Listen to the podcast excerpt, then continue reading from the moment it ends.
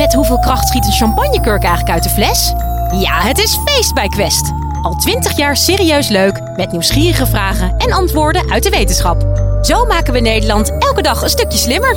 Nu in de winkel en op quest.nl. Hey daar, welkom in de wonderenwereld van de wetenschap. Ik ben Sofie Frankemolen, fijn dat je weer luistert. Ga er maar even goed voor zitten, want het is tijd voor een college over psychedelica. LSD en andere tripmiddelen zijn lang weggezet als enkel gevaarlijk. Maar volgens neurowetenschapper Michiel van Elk van Universiteit Leiden zijn ze mogelijk veel veelzijdiger. Denk aan het gebruik tegen depressies en angststoornissen. Moeten we radicaal anders gaan kijken naar psychedelica? Maak je klaar voor een trip door de wetenschap. Dit is de Universiteit van Nederland.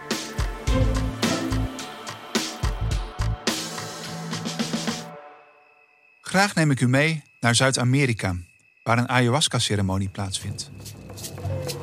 We volgen een vrouw, een vrouw die al jarenlang kampt met terugkerende depressies.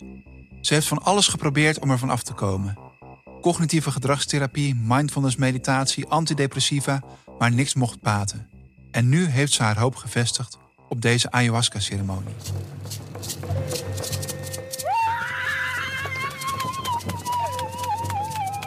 Ayahuasca is een geestverruimend drankje dat uit de Amazone komt. Het ziet eruit als een beetje een modderachtige, bruine drap die je tot je neemt door het te drinken. En als je het genomen hebt, dan roept het sterk hallucinerende effecten op. De vrouw neemt deel aan een ceremonie die plaatsvindt in een maloka, een soort tentachtige ruimte rondom een kampvuur, waar meerdere deelnemers rondom liggen op hun eigen matje. Als het haar beurt is om naar voren te komen, stapt de vrouw uit de kring, loopt naar voren, ontvangt het kopje met de ayahuasca-thee en drinkt het kopje op.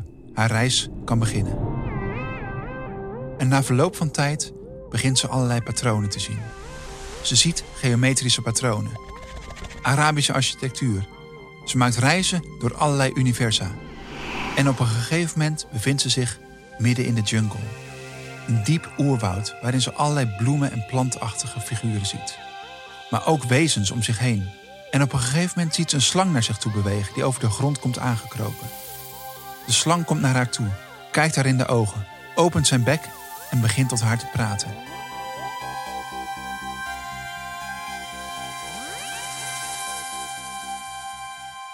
En dan is de vrouw weer terug bij de ceremonie.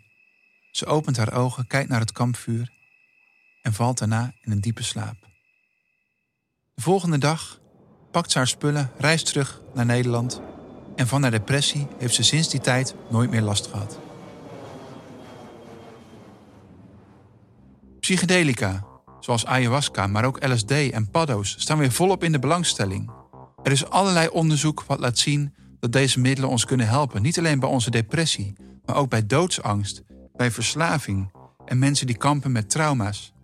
Het lijkt erop alsof deze middelen weer in een nieuw daglicht komen te staan. Is het inderdaad zo dat we radicaal anders moeten gaan kijken naar psychedelica? In deze podcast neem ik jullie graag mee op een psychedelische reis. Waar hebben we het überhaupt over als het over psychedelica gaat? Er wordt vaak een onderscheid gemaakt tussen vier verschillende stofjes. Ten eerste is er psilocybine. Dat is de actieve stof in paddo's en magische truffels die je in de smartshop kunt kopen. Ten tweede is daar LSD. Dat is een stofje wat geurloos, kleurloos en smaakloos is en vaak in de vorm van een zegel wordt genomen die je onder je tong legt. Ten derde is er mescaline. Dat is een stofje dat veel voorkomt in de San Pedro-cactus die gevonden wordt in Zuid-Amerika en die met name door Mexicaanse indianengroeperingen gebruikt wordt. En tenslotte is er DMT. Dat is het actieve stofje in ayahuasca, wat we al eerder tegenkwamen, maar wat ook veel voorkomt in andere planten. Als ik het nu heb over psychedelica, doel ik op deze vier middelen. En deze middelen hebben als gemeenschappelijk kenmerk dat ze sterk hallucinerende effecten oproepen. Met hun ogen dicht gaan mensen allerlei patronen en visuele vormen zien. Het risico op een overdosis van psychedelica is nihil. En ook het risico op verslaving is nihil. Mensen raken er niet snel geestelijk of lichamelijk afhankelijk van. Laten we om te beginnen eens kijken wat psychedelica precies doen in je lichaam en in je brein. En om dat uit te leggen wil ik graag het voorbeeld gebruiken van LSD. LSD komt vaak in de vorm van een zogenaamde blotter, een zegeltje in de vorm van een postzegel die mensen onder hun tong leggen en daarna doorslikken. Op die manier komt het in je maag terecht. Daar wordt het opgenomen, het komt in je bloedbaan en op die manier komt het middel via de bloed-breinbarrière uiteindelijk ook in je brein terecht. En daar zet het een heel scala aan verschillende processen in gang. Een van de processen die in gang wordt gezet is dat er onder invloed van LSD allerlei nieuwe verbindingen in je brein worden gemaakt. Hersengebieden die normaal gesproken niet zo sterk met elkaar communiceren, doen dat onder invloed van LSD wel.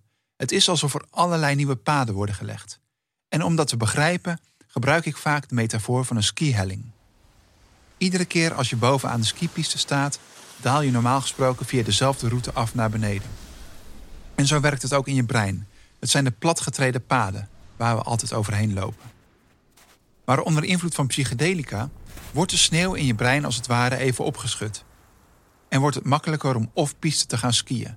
Je kunt makkelijker nieuwe paden bewandelen.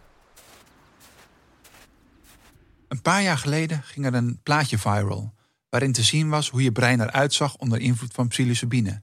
En daarop is te zien dat er onder invloed van psychedelica allerlei nieuwe verbindingen gevormd worden in je brein. Je hersenen zijn als het ware in een nieuwe toestand die normaal gesproken onmogelijk is. Een andere bevinding is dat onder invloed van psychedelica het zogenaamde default mode netwerk minder actief wordt. En dit is een netwerk van hersengebieden die betrokken zijn bij zelfreflectie, dagdromen en over jezelf nadenken. En normaal gesproken is een beetje nadenken over jezelf en een beetje zelfreflectie best goed. Maar sommige mensen zitten te veel in hun hoofd en draaien in rondjes. En dat is een van de kenmerken van depressie. Zou het kunnen dat psychedelica bij deze mensen effectief is omdat het het default mode netwerk beïnvloedt? Dat is inderdaad een van de bevindingen uit het onderzoek. Op dat moment zie je dat de piekergebieden minder actief worden, waardoor ze minder op zichzelf gericht zijn en het makkelijker is om buiten vaste patronen te denken. Zie het alsof je hersenen weer gaan denken zoals toen je een kind was. Toen was de wereld veel verrassender, toch? Je stond meer open voor nieuwe ervaringen, zonder je zorgen te maken over je eigen zelfbeeld. Juist een keer andere paden te bewandelen. Dit kan veel impact hebben op je zelfbeeld en de wereld om je heen. Ten gevolge van psychedelica zijn mensen dan ook over hun depressie heen gekomen, zoals een patiënt die zijn ervaring als volgt omschreef. Het was altijd alsof de wasmachine aanstond en ik rondjes draaide in mijn eigen hoofd. Na mijn psychedelische ervaring is het net alsof de harde schijf van mijn brein is gedefragmenteerd. Alles is in nieuwe vakjes gestopt en flink opgeruimd. Ik voel mij een ander mens. Wat er dan precies gebeurt laat zich moeilijk omschrijven. Maar veel voorkomende ervaringen zijn dat de tijd langzamer lijkt te verlopen, dat de voorwerpen en de ruimte om je heen lijken te bewegen, dat alles begeesterd lijkt en een eigen leven lijkt te leiden.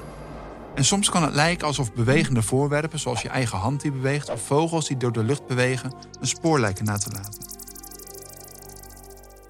Het idee om psychedelica te gaan gebruiken voor de behandeling van allerlei psychiatrische aandoeningen is niet nieuw. Ook in de jaren 50 en 60 werden psychedelica al toegepast op allerlei gebieden. Drug, Dr. Osmond's got uh, one or two quite unrehearsed questions. I have no idea what they are. Zo kwam de psychiater Humphrey Osmond in 1953 op het idee om mescaline te geven aan een paar patiënten die last hadden van een alcoholverslaving. Well, uh, I'm feeling perfectly fit at the moment, and I'll take the drug now.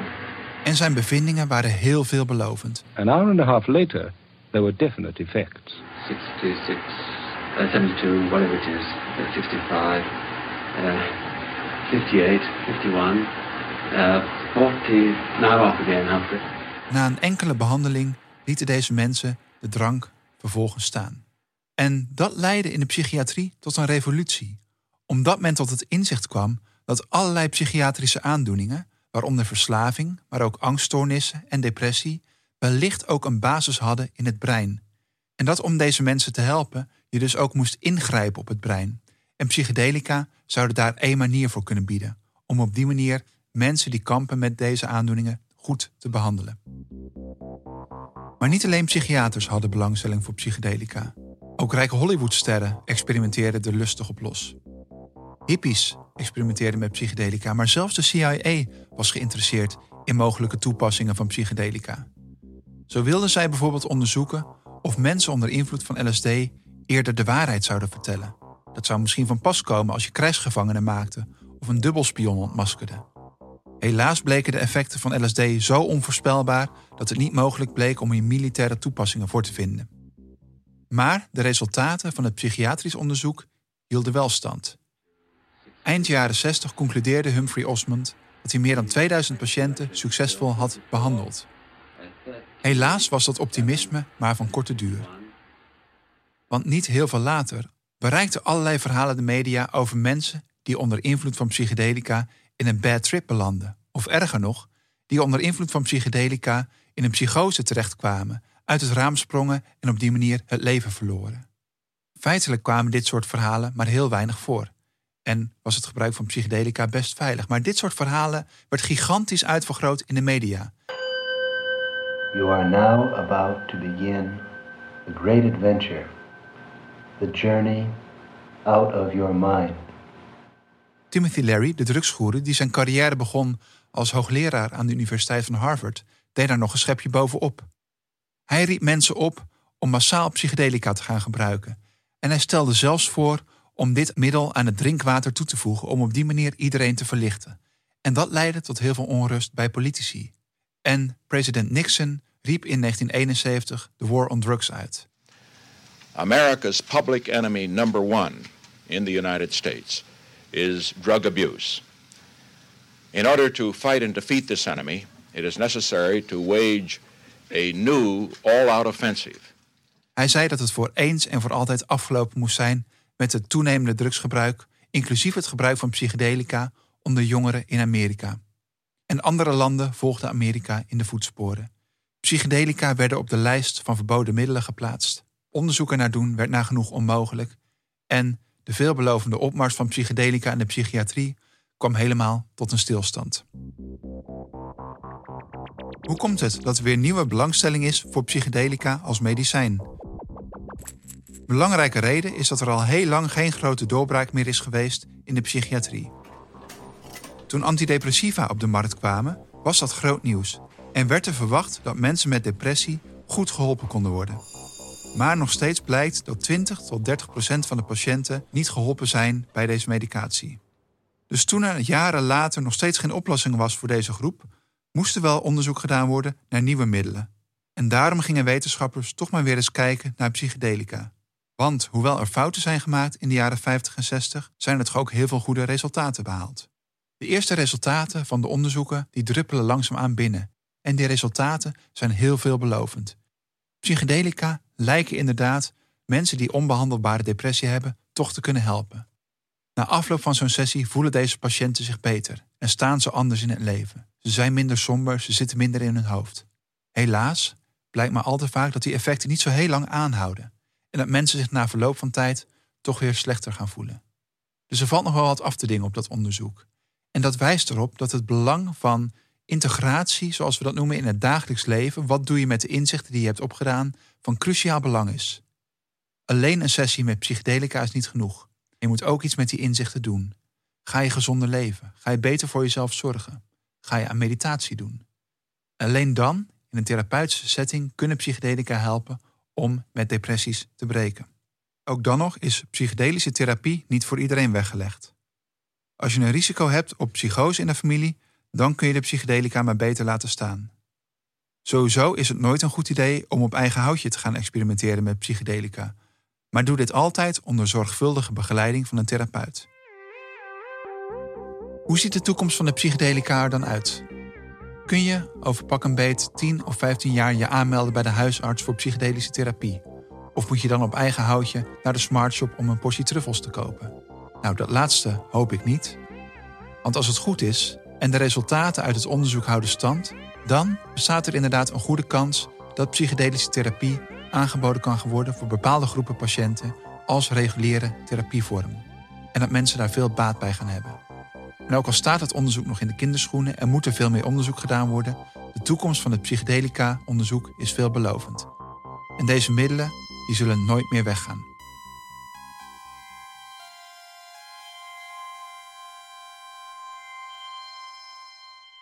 Je hoorde Michiel van Elk. Ik hoop dat deze aflevering je een stukje wijzer heeft gemaakt. En hey, luister je nou met plezier naar deze podcast? Word dan vriend van de show. Voor maar 2,50 euro per maand kun je ons al steunen. En met jouw hulp kunnen we twee keer per week een podcastaflevering blijven maken. Dus ook lid worden van de nieuwsgierigste vriendengroep van Nederland? Check dan de link in de beschrijving. Tot de volgende!